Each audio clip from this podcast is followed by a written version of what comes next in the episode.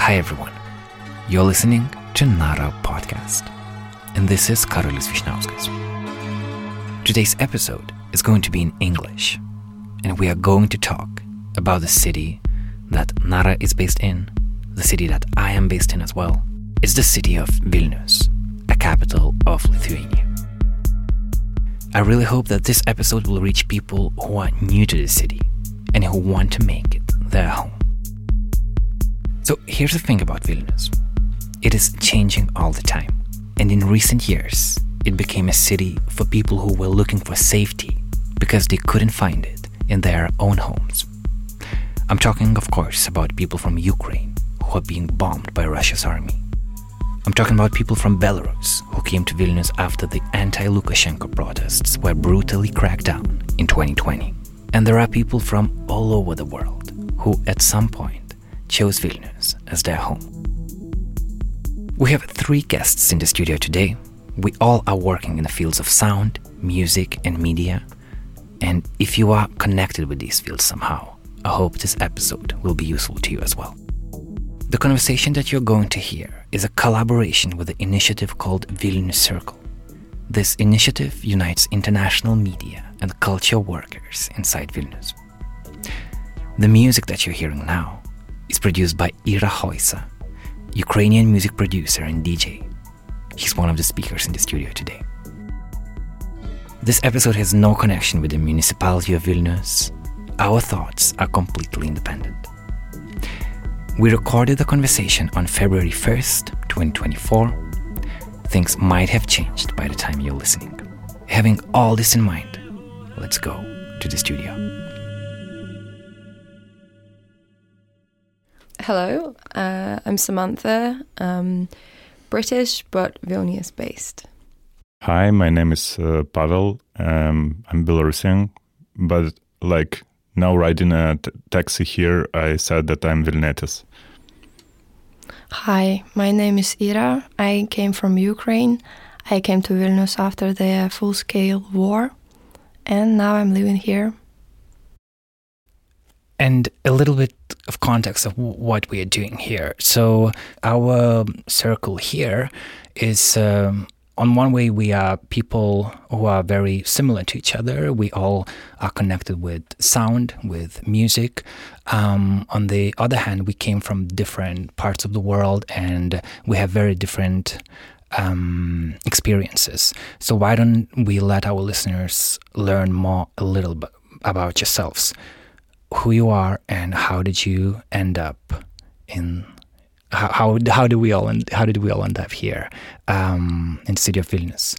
All right, um, Ira, why don't we start from you? You're originally from Chernihiv in Yeah. Ukraine, correct? Mhm. Please share a story with the listeners as much as you feel like you want to share. Mhm. So yeah, I came from from Chernihiv. Um, came to Vilnius in May in 2022. Um, and yeah, I came to Vilnius as a DJ because I wanted to share Ukrainian music here. And I started to run my show, and that was my mission here. And uh, I'm still doing it. Yeah, I have found a job here, and I'm doing well being in Vilnius.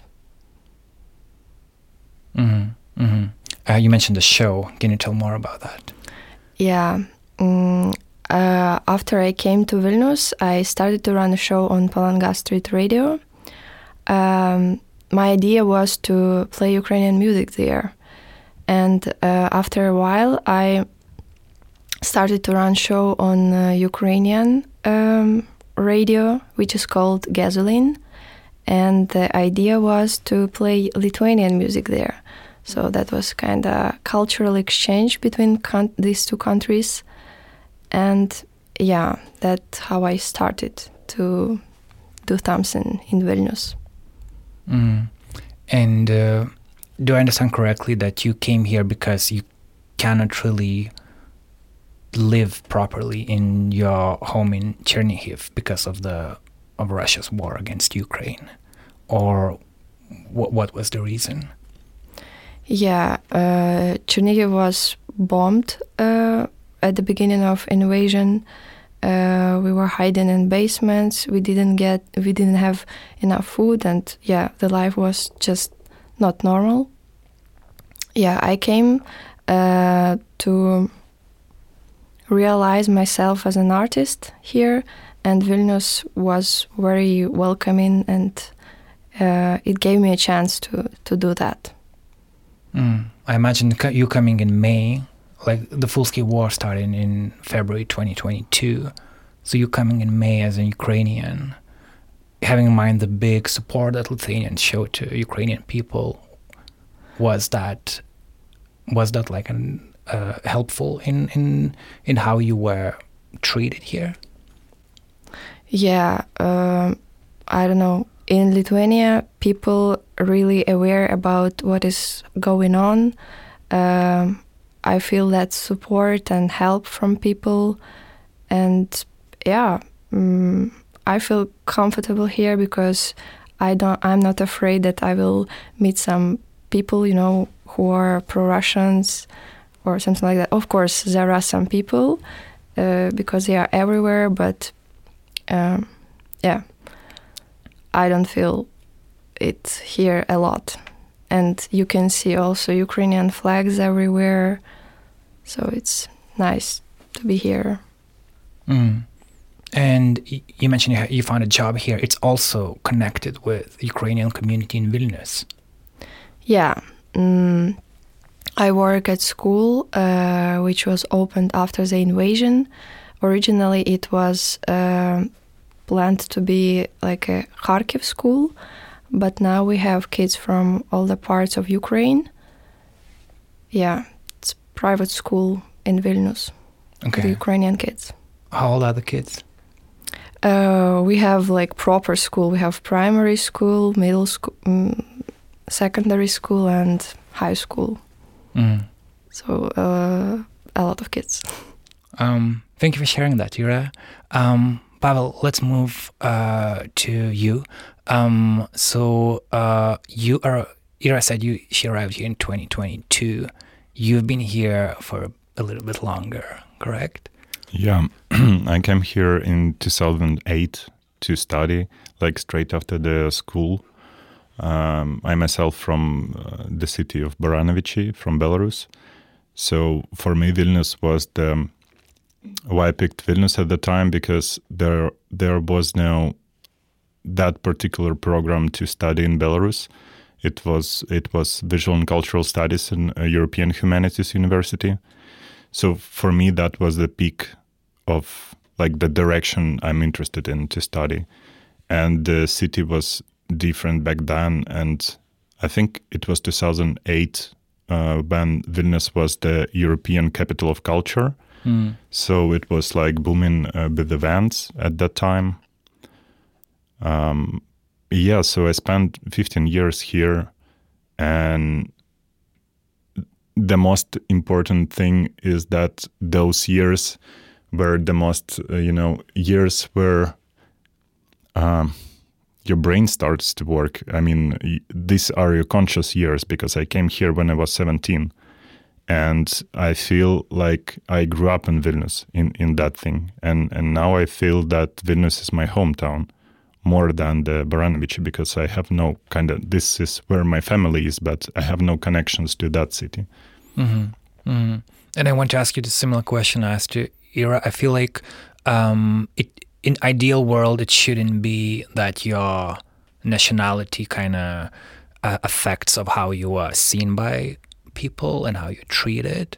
But I think in reality, it does affect. And uh, I wonder, you as uh, coming from Belarus, um, how did that affect your Vilnius experience? And of course, having in mind how it has changed, right? Since, for example, back in 2020, we had a, a massive support for uh, protests in Belarus against um, uh, the uh, Lukashen- against Lukashenko. Now there's another wave of like suspicious towards like Belarusians and seeing them as almost like collaborators with like Russians. And I wonder if you, just being a, as you said, you are firstly a Vilnietis, how does that sentiment, like how do you experience all this like influence of national mm, identity? You know, I feel for me personally, I feel that my like identity is mixed. I, I can't say that I'm properly Belarusian and properly Lithuanian. This is somewhere in between because I share something from both cultures. I know Lithuanian culture and I know Lithuanian media scene, uh, as well as I know uh, Belarusian scene. So the attitude towards Belarusians was changing over time. I think in 2008, uh, 10, it was like a little suspicious, but then it was, uh, you know, changing towards uh, really welcoming. And in 2020, that was a massive support uh, for the protest movement in Belarus. And now what I see is like more of a protective national agenda that is really important. And, and I can understand that because it's really hard to find resources to filter that many people to, to find who is the spy because it's not very clear and, and lots of people are fleeing. Mm. But what I can I add to that is uh, the attitude towards you is really different um, if you speak uh, Lithuanian or not. Mm-hmm. Because when I start to speak Lithuanian, when I speak Lithuanian and then we switch to any other language, it's different attitude. Like people know that you put your time and put your I don't know mind into learning the language, understanding the culture, and they they grateful for that, and it's a good attitude towards you. But when like people come and speak Russian, I guess they sometimes encounter you know this block that uh, you're not welcome here. Hmm. I see. Thank you for sharing that. And uh, Sam, moving to your situation, um, when when the borders opened up, like when Lithuania joined the EU, uh, the UK was a place where a lot of people went to search for work, also to study. It was um, the basically the movement of people went like one way, mm. and you are you went the the other way, uh, the other way, and you are here. Um, I want to hear more about your story. Yeah, yeah um, you know, you grow up. Um, I guess in the context I grew up working in the arts. Um, you know, you think that you you have dreams of like living abroad, and you know moving away from island life into mainland Europe, and a lot of that, um, you know, ends up thinking in places like that more obvious, such as Berlin or or other kind of big cultural hubs. Um, and then I did. I never really thought about moving to the Baltics, and for many people in the UK, they really know nothing about this place um, in the world, and but thinking back, I actually began to meet Lithuanians exactly for the reason you just said. There was one person I met who now lives back in Lithuania, and I see him regularly. Um, my oldest friend, who I met in Brighton when I lived there uh, studying, and this was you know 12 years ago or something and then i met him and then i met a whole community of lithuanian people so i had an awareness of this place in the world filmmakers etc and then in 2020, obviously a very um, heightened time, the UK was about to Brexit from the EU, which still baffles me every day. And I encounter issues um, with not being able to kind of, I have to make a choice, you know, I'm in the EU or I'm, I, I can't work in both cities, uh, countries. But, um, and and there's something about that that also strips your own identity as well as someone who's grown up with this sense of feeling very connected and and being European. Um, but yeah, I came here in 2020 because I had a art residency at Rupert, um, and I wanted to come here to connect with the culture that I'd been so fondly spoken, like that's been so fondly spoken about to me um, with these long lasting friends. And I came here and obviously a very, very difficult time because then we entered a second uh, lockdown. And so I was spending time in Lithuania and having to sort of have a bubble of people that I then got to know very closely, and most of them actually were connected to Palanga Street Radio because I'd started to work a lot with radio as a medium that allowed me to keep working creatively um, at a distance with people. Like you could still um, produce radio and stories and um, you know create stories through music and narrative, um, and that kind of showed me the the power of this medium. And I started to build project applications and things like this, and I started to realize how eager people were to make here. And I've been coming from a culture of oversaturation in London and constantly fighting to try and be something and realize ideas, but um, there's always kind of economic pressures, and especially with Brexit happening, like there was a severance of possibilities to also work collaboratively on an international scale. So I really felt like my knowledge and experience was going to be a lot more valuable here and to form uh, partnerships and collaborations. And so I, I went for a permit. hmm. Roughly, that, that was what happened.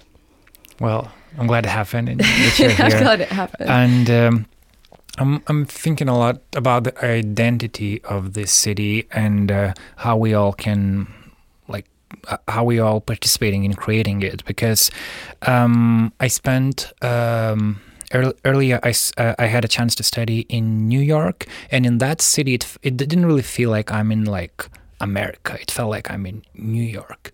And because it felt like a place where no matter where you're from you can come there and you do something and you instantly can feel welcome because when everyone arrived there at some point you arriving there you also you you are part of the bigger um, trend basically. And um, I, I, wonder how if that can be if, situation in the city like Vilnius can be similar. Because like Europe in general is very like based on national identities, and um, I I wonder, in my vision, Vilnius would be a city where people from different parts of the world can come and make it home. But there are factors, like, for example, Pavel, what you said, unless you actually started speaking Lithuanian with people, only then you felt that you were treated as, um, I don't know, as equal in some sense, or not as a foreigner. And sometimes being seen as a foreigner can be a good thing as well, because it's not like people here don't don't don't want foreigners or don't like foreign. But I wonder, is it possible not to feel foreigner here? And um, I want to come back to you, Ira. Um, how it was for you coming here um, and uh, making this place your home. It, I don't know if you. I, I guess you're still in that process, but like, what factors helped you, and what we can learn from your story. Um, in general, we as someone who lived here longer, how can we be more welcoming? I guess how how in, in your situation, what factors help you to become more like home in Vilnius? Uh, first of all, there are people I'm surrounded with. Uh, they are my friends, and they are understanding why, why I came here. Um, of course, uh, what would help me to be like uh, more at home is to learn Lithuanian language. So um, I'm struggling with it because language is really difficult. Uh, yeah, but so far I'm using English with young generation and um, broken uh, Lithuanian with old generation. But yeah, language is a big part of it to feel like you are at home because I am honestly afraid to speak Russian uh, to old generation when I cannot uh, explain sometimes some things. Where is that fear coming from? Uh, because uh, it's clear because of the war and because Lithuania uh, supports Ukraine very much and just Russian language uh, is like a taboo here, like Mm. in, uh, in many other countries. Yeah. And maybe you don't want to be seen as Russian yourself. Yeah, yeah, of course. Ukrainian Mhm. language is your identity. You should um, speak and show that you are Ukrainian here, not Russian. Yeah, of course. It's about identity. Hmm And how it was for you joining the DJ scene? Um, was it easy for you to get to be booked, um, to get uh, gigs, um, to just kind of put your name on the map here? Yeah, mm, talking about um, cultural scene, uh, I would say that uh, I didn't have any like problems to to be booked because people, uh, yeah, people replied me and uh, probably wanted me to invite to play a gig at their clubs or venues or uh, events yeah, I wouldn't say I had like some problems with it. Do you think the fact you being Ukrainian could also help on your benefit? Because I don't know, maybe people want to show support by by by, by inviting you as an Ukraine, Ukrainian artist. Yeah, honestly, I felt there is a part of it uh, that people are inviting me because they want to see a Ukrainian in their lineup, and also I, my goal was to play some of uh, Ukrainian music. Um, yeah, I felt it. Yeah. Mm. Mm. This question of language is very interesting because following that example of New York, the question of language doesn't exist there. People kind of take English as the language that where the main language that is being used. Though, of course, there are lots of other languages that are speak, spoken like inside people's homes, but like when you're out of the city, it's like in university, most classes are in English and and and and that's that helps. So I feel like in Lithuanian, um, is the question of language kind of divides like keeps these divisions between people and how what we can do about it.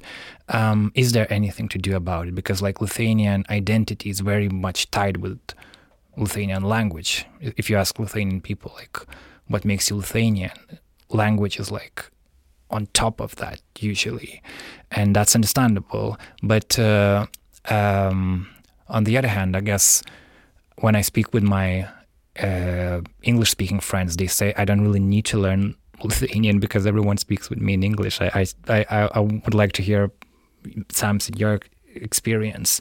Does do, do you feel that um, to be more feel more like home here is is language a factor? How it affects? Yeah, um, it's an interesting one, and um, what I've kind of uh, come back to Lithuania because there was a short period where I moved away, and actually around the beginning of the war, um, that was the time I came back because I realized, you know, how much this place felt like home when I left it. so Mm. I had to come back and really root myself here. Um, and of course, um, with that, um, questions about the language have emerged, especially in terms of like your long term stability of being here, because that is also a requirement. Um, you know, that in terms of residential status and all of these things. And not least the fact that my partner is Lithuanian and it, can be challenging talking to his family and all these other things. So, in terms of feeling truly connected, I think I, I have a desire to learn it. And then, but then on the other hand, everything I do is in English because it's the working, operating language. Because so much of what I do is international, it's with collaboration partners from across all kinds of different countries in Europe. And it's, um, you know, other examples where I've done projects outside of the region. Sorry, outside of outside of Vilnius. You know, for example, Aliknaiche and Shalani, and Hmm. these much more rural or, um, I guess, places outside of the capital, which um, different communities exist and live there. And um, it does present a barrier where you can't feel truly understanding of, of the of the culture and maybe certain aspects of heritage and history. And that that's unfortunate. And I it's just a very hard language to learn. And um, yeah and often people do just make the switch completely.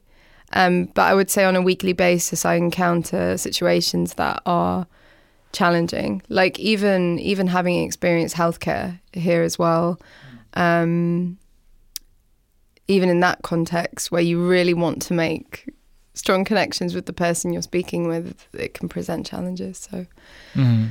Mm. yeah. And does that make you feel this language barrier? Does that make you feel somehow, I don't know, alien in a way? Like even though you you work here, you do projects in Lithuania, uh, your friends are Lithuanian. Like, mm.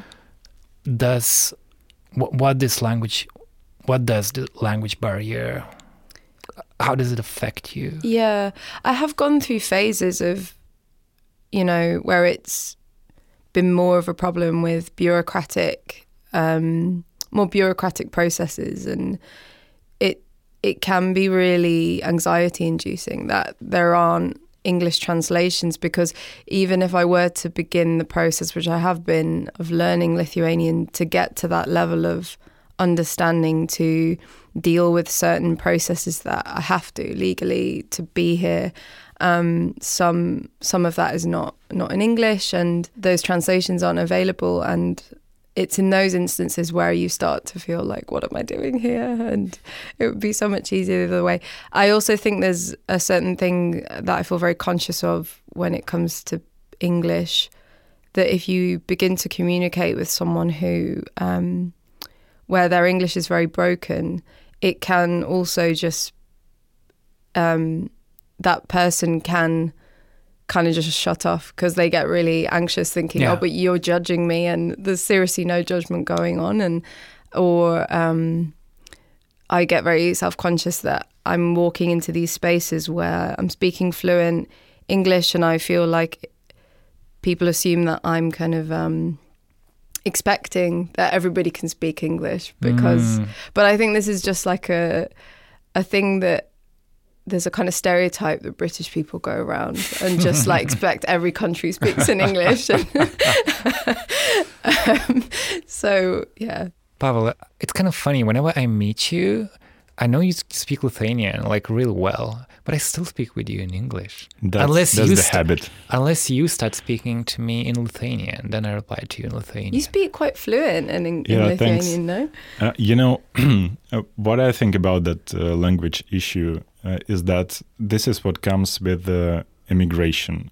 Mm. Like, if you emigrate, most likely you will encounter new language and that's the thing I was thinking about in 2009 when I was in the university. That it felt like lots of my friends back at the day fall kind of into this Belarusian university bubble, and they were locked into that company that they were not connecting to Lithuanians, they were not connecting to the foreigners here.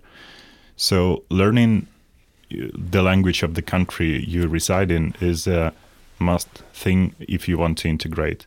Yes, it's tough when it comes to legal things and healthcare, but what we can do about that maybe make it more accessible. I mean, make Lithuanian courses more accessible because mm.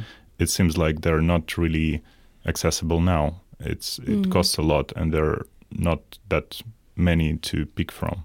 Mm.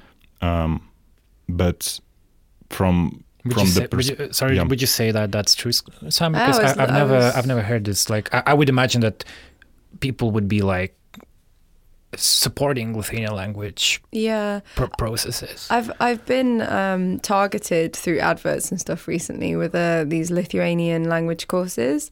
My phone's listening to me or something, um, and I did go through the motions. Um, but because I'm registered as a freelance here and freelancer here and paying taxes here and earning some money, um, those courses like I can't get them for free, but it's great that they do do that for like unemployed people.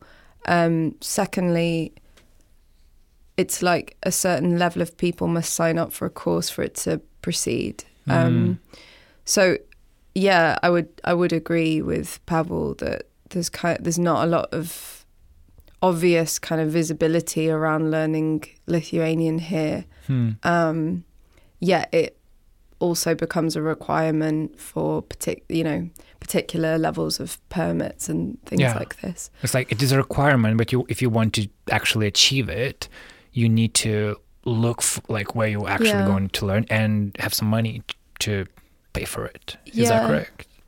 Um, yes, or or a, a certain level of people need to have signed up for the course for it to go ahead.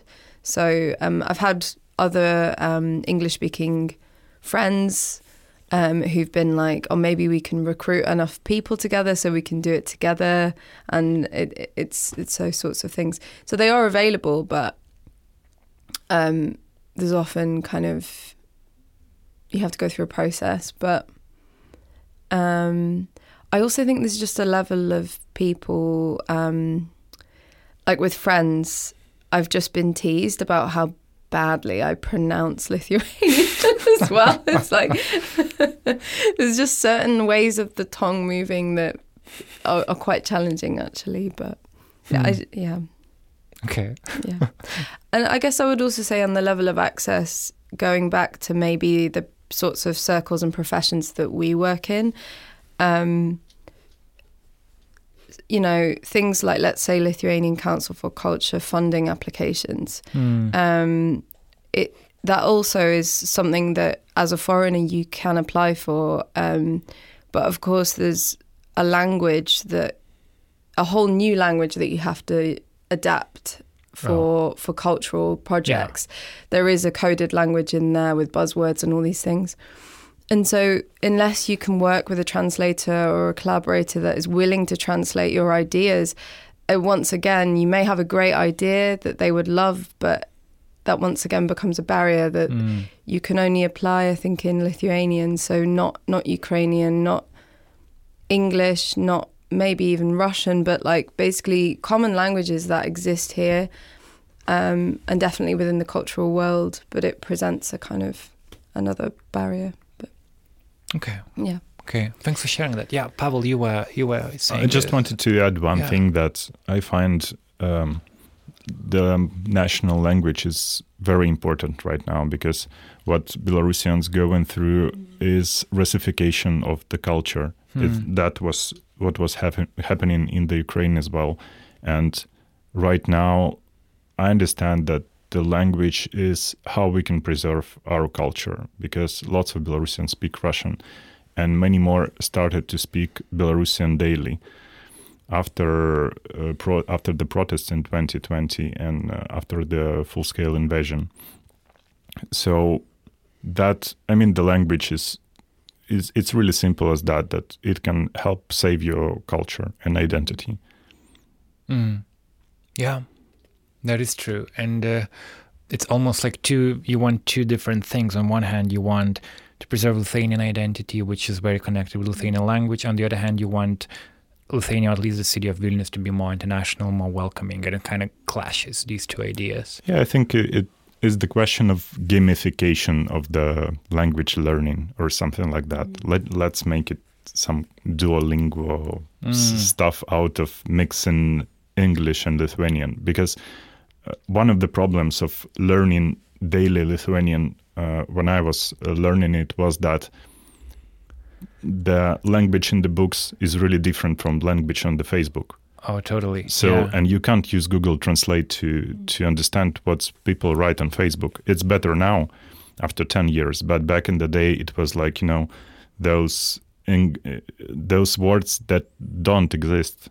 Mm. Um, so it was really hard, but I think it's it's it's possible now to somehow make this process of learning language more accessible uh, or more gamified or just use those uh, yeah. not existing words.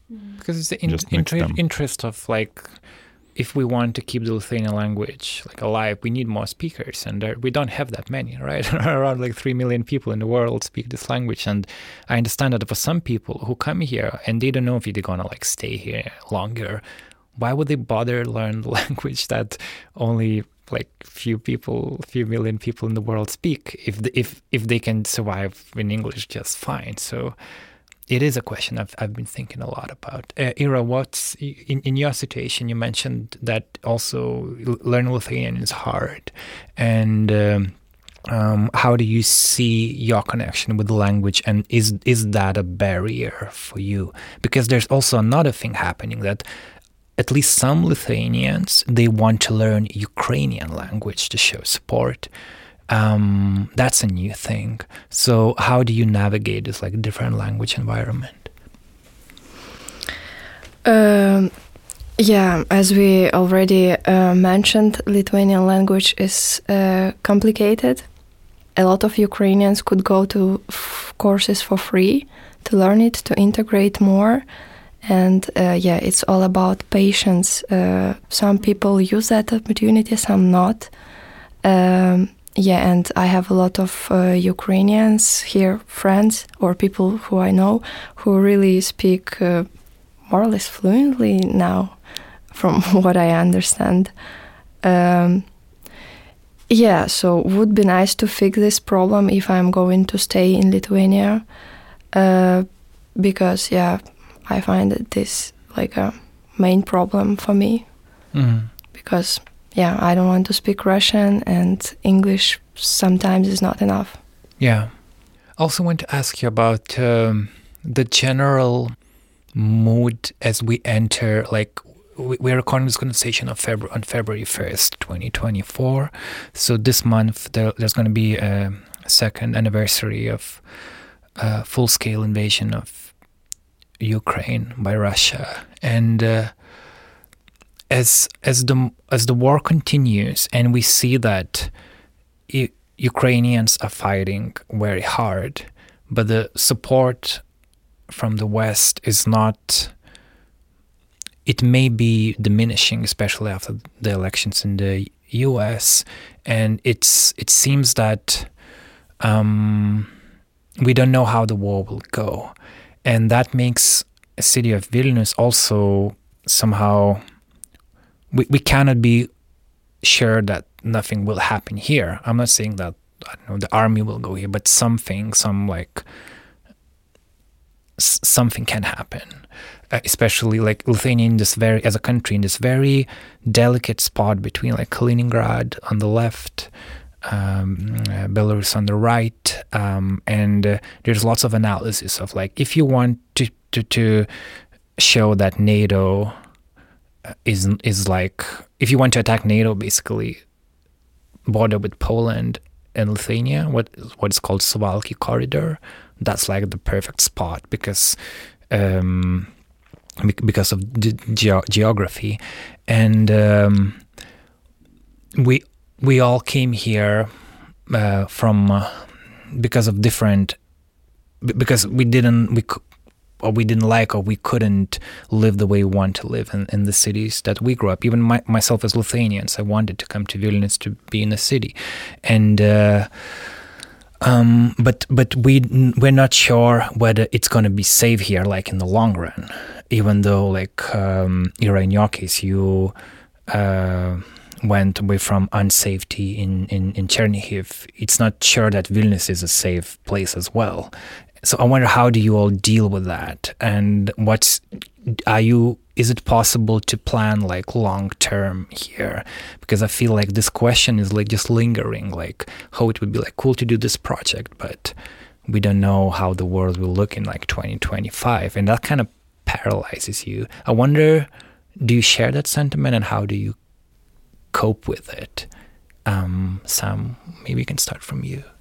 Yeah. So. Um I guess uh, coming here, um, coming back here, um, around, I guess, two and a half months after the full scale invasion, um, with my family and friends in the West, um, of course, questions of like, are you safe? Is that okay?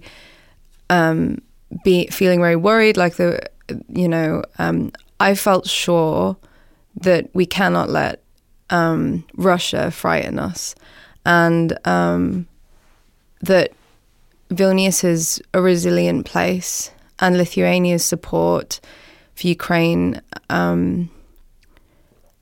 And, you know, irrespective of language, my understanding of Lithuanian history and independence, um, I've taken an active position in learning about this and, and an interest in this. So I was like, I have to follow the same message as locals, and this is you cannot let Russia scare you, and you have to, um, you know, use all the tools you can to um, uh, welcome Ukrainians and uh, do what you can.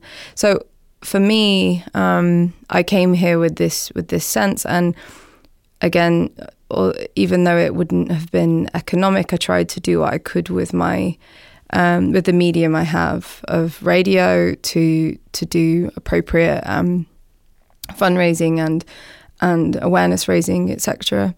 So um, in general, that's what I try to live with now, and um, I continue to try and live with a sense of you can't let Russia frighten you, but I stay informed. So I mean, I I try to go with that, and I would also say with all the work I'm doing now, with building partnerships with um, countries in Central Europe and so on. Um, I'm trying to build bridges between the regions and do work through media that um, connects the regions.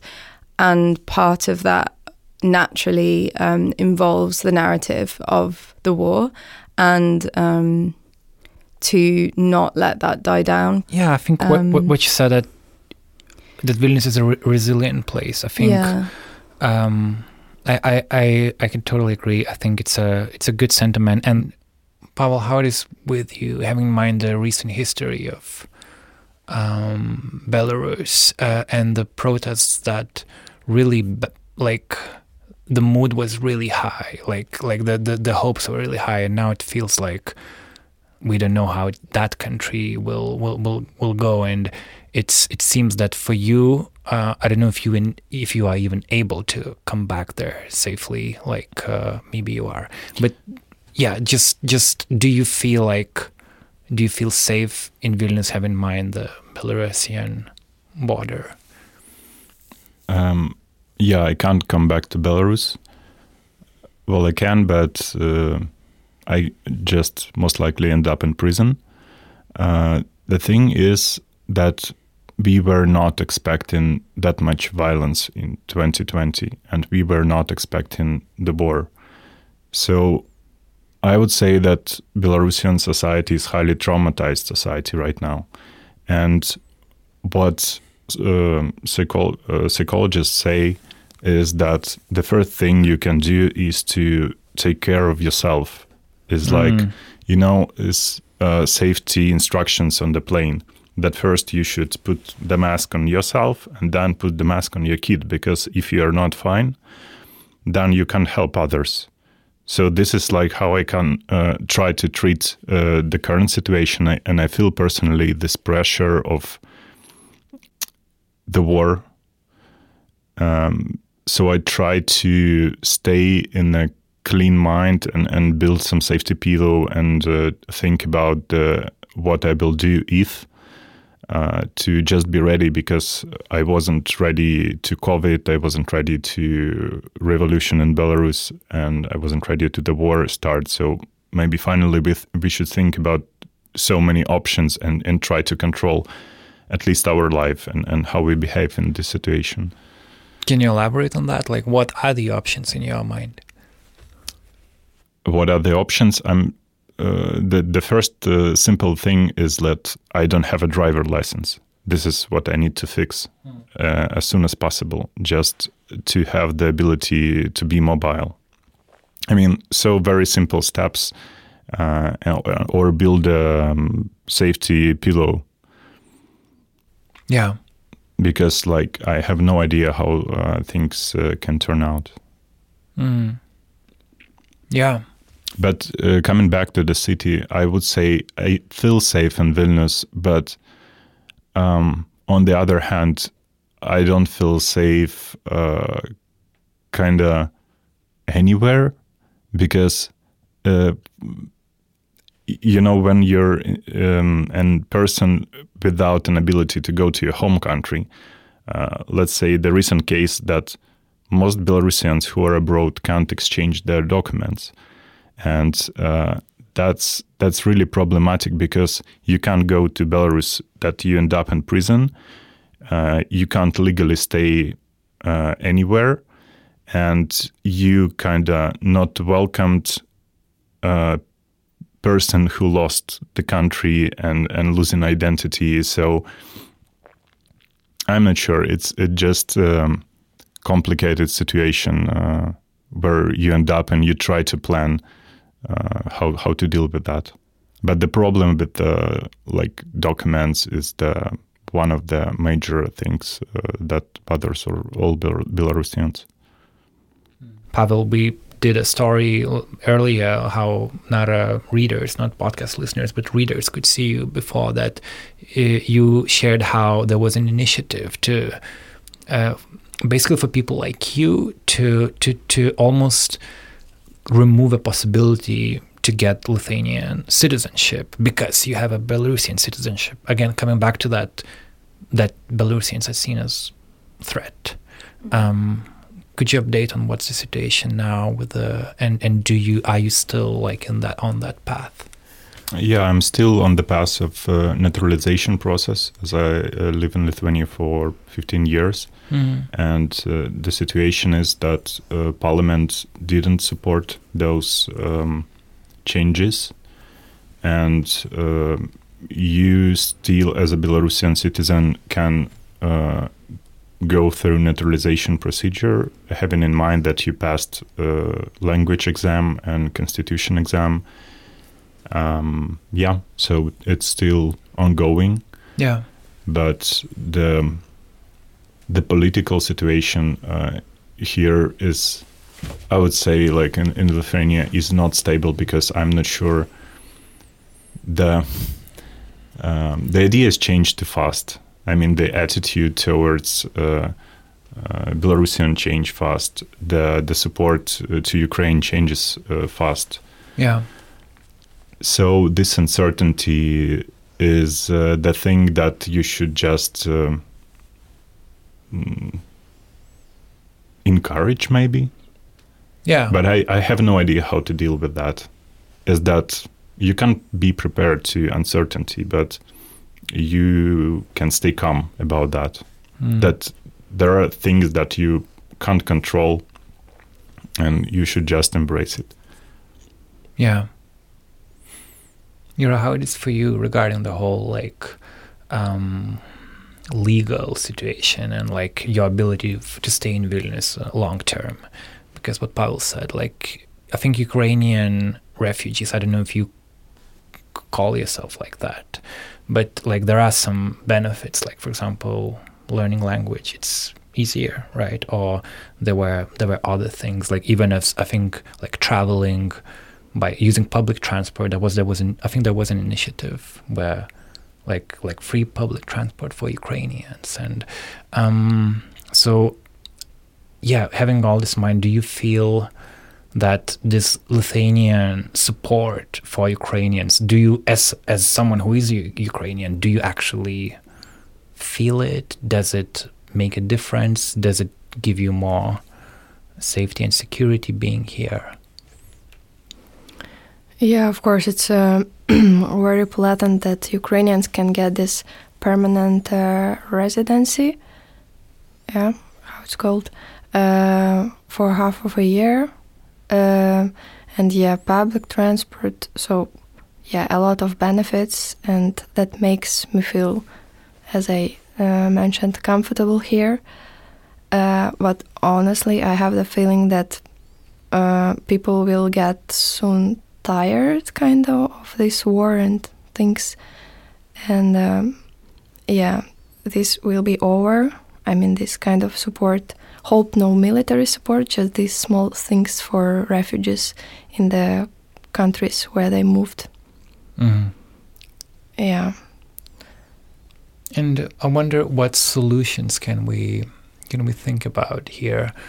Um, have in mind the this uncertainty that exists. We still want to do what we want to do. We want to do things that we are passionate about. Um, how can we improve the whole like ecosystem that exists in Vilnius? For example, Ira, as someone who is a DJ, who hosts a radio show, who also works as a teacher, how can this city s- suit you like better? What, what, what, what, is missing? And maybe we just don't know about those things, and they can be improved somehow. Um, I don't know what is missing. I I wouldn't say something is missing here that I don't feel like not enough support or something. From my side, what I do is uh, as a Ukrainian, uh, I'm trying to remind people about the war. Uh, we are having this. Um, non-formal organization which is called uh, Ukrainian Beat. Uh, we are organizing events and trying to show people that uh, war is not over, and we are collecting money. That is our main purpose of that um, events and parties. Yeah, so I'm doing what I can do to remind people, but yeah, you don't know how it will go. Ukrainian beat. Yeah, UB. Nice. Can you tell more about the like the parties, the events you did?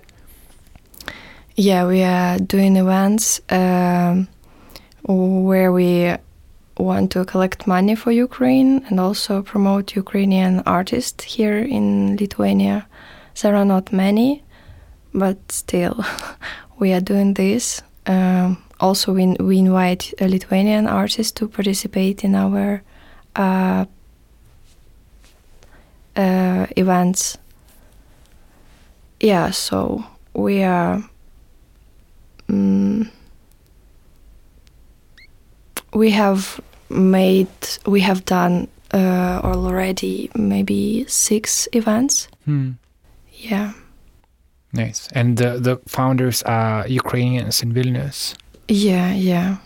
It's uh, one friend of mine, Nastya, me, and another friend. So three, three of us are Ukrainians.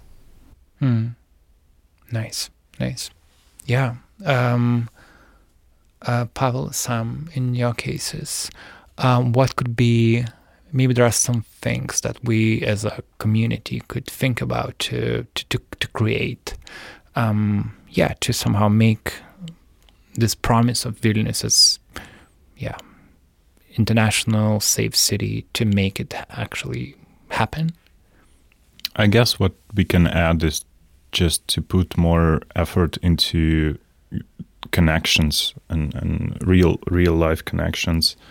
Uh, I can give an example of what what the project re- uh, exists in uh, in Poland, uh, but maybe the link I'm missing here is that uh,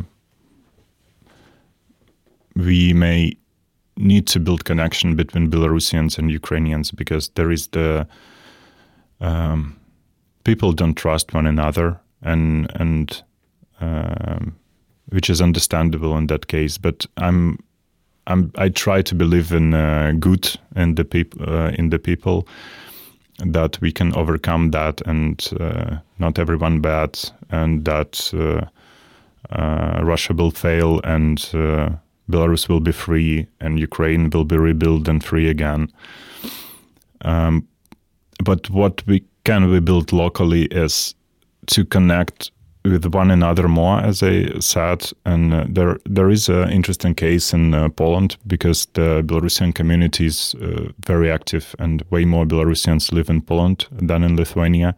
And uh, there is an event series called Varushniak.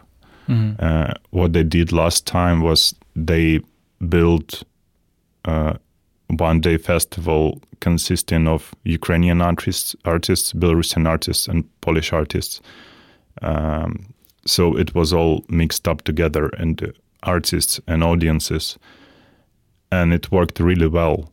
And I think those like people connection and links are, are important. So people won't read about um, uh, Belarusians, like Lithuanians, won't read about Belarusians in the news, but would know them, and and Ukrainians won't just read about Belarusians in the news and just they can call and ask, or vice versa. Like Yeah. I mean, just to not have that uh, dominating media appearance of another nationality and country and opinion. Yeah. Yeah, that's why I kind of wanted to, to, to have you in this in this conversation because like for example, we talk a lot about Ukrainians, but we rarely see Ukrainians in Lithuania, I don't know, just being visible, I mean as as as individual people rather than just some kind of abstract idea. Um I think similar with Belar- Belarusians and, and, and people from other places as well. Sam, what are your thoughts of these? Like, what we could build that would be helpful for us at this moment as a as a community in the city? Mm. Yeah, I, I really agree with Pavel kind of forming these um, to kind of um, shake the the narrative a bit that's repeated in the media and instead, yeah, have these facilitated conversations or projects where um, different nationalities can coexist and and uh, but I guess there's a few things like in terms of my role right now, I'm not from any of these places, and I acknowledge that when I, um, I- I'm not the person um, in media and radio projects that um, takes the foreground to tell narratives and stories that are happening. And for example, um, in over the next year, um, I've built a partnership with a um, a festival called Le Guess Who in the Netherlands, and through an, an initiative they have called Cosmos, um, they will now spotlight uh, Vilnius as a city um, over the next year. And we haven't planned anything yet, but what I do know is that there'll be a 20 minute documentary film produced about the cultural scene here, spotlighting music, etc. And also with editorial content to really kind of tell the narrative here. And that is not, yeah, my role here really isn't um, to be in the foreground, but as a facilitator. And I think something that I've noticed is that Vilnius can stay very much in its bubble and exist and repeat in its ecosystem. But I think sometimes there can be um, a resistance to reach out internationally and to see how that's actually very beneficial to, to to have that um, those sorts of cooperations. And I think in terms of just an everyday thing, and we've talked about it um, within the project Vilnius Circle that um, that to have a resource where that's regularly updated, potentially in English as a working language, where people can go and understand where activities are happening, where they can have these face-to-face conversations. Because in my case, most of the time I'm I'm operating online. I feel disconnected. I want to meet people.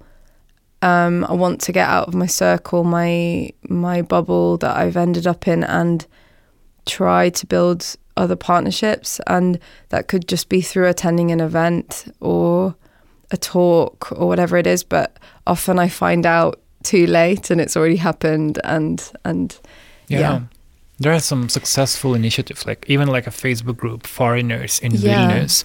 It's uh, it, it it works, but again, it's like it's almost um, targeted at like people who like like it's in the name. You're a foreigner, and like how can we just be Vilnietis, like Pavel you said? How can we feel not foreigners here? Is that even possible? Um anyway like going to uh, the end of our talk like do you maybe want to ask each other maybe from what what we heard today um someone has comments of I, I'm I'm I'm taking a role as a facilitator of this talk, but um, yeah, maybe something is missing. I would like to to hear.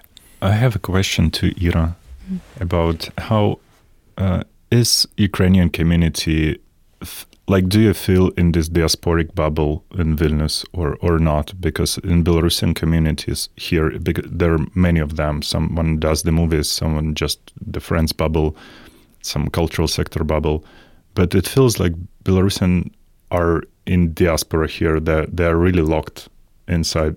Does it feel the same for Ukrainian community? Uh, I think it's too early to say, as Ukrainians have just recently came to uh, to Vilnius, to Lithuania. Uh, talking about my surrounding and my uh, uh, artists, like how to say, area. Uh, I wouldn't say I came here and I could join something. I didn't meet any people from. Uh, music um, like community I could join. Uh, I also don't know any uh, other artists from different from other areas. So complicated to say. Uh, feels like now I'm building this uh, community around me. Um, yeah, I don't know if I answered your question. Yeah, thanks. Sam, any any questions, any thoughts left unsaid? I don't think so. Um, I'm just quite convinced I went to one of your events yeah, um, at Svi Park, maybe Mm, in the could be. summertime, and um, there was records being sold, and there, were- I think you were DJing when I came by. But um, yeah, I'm. I think that kind of initiative, and to keep going with that kind of thing, it's it's. Um, it might seem. I know. I know those sorts of events like if only five people turn up, it's it's just about the resilience of just keep doing them, because eventually fifty people will turn up. So it's it's kind of um, I think it's really important that those sorts of longer term initiatives just keep going. And um, but yeah, I don't I don't think I have any questions. Yeah, I feel like it's, uh, I mean, more uh, raising questions rather than having answers because it's, um, we, we it's, a, it's a new reality. It's, it feels like a new reality, and we, we try to navigate it. So I'm really happy for you to sharing your thoughts. Um, and for our listeners, again, this is more of kind of raising those questions in your mind as well. Like how can we improve our like, community ties in this city? And if you're listening in different city, maybe can be applied as well. Um, uh, Sam, Pavel, Ira, thank you so much for being here today, and good luck continuing your important work.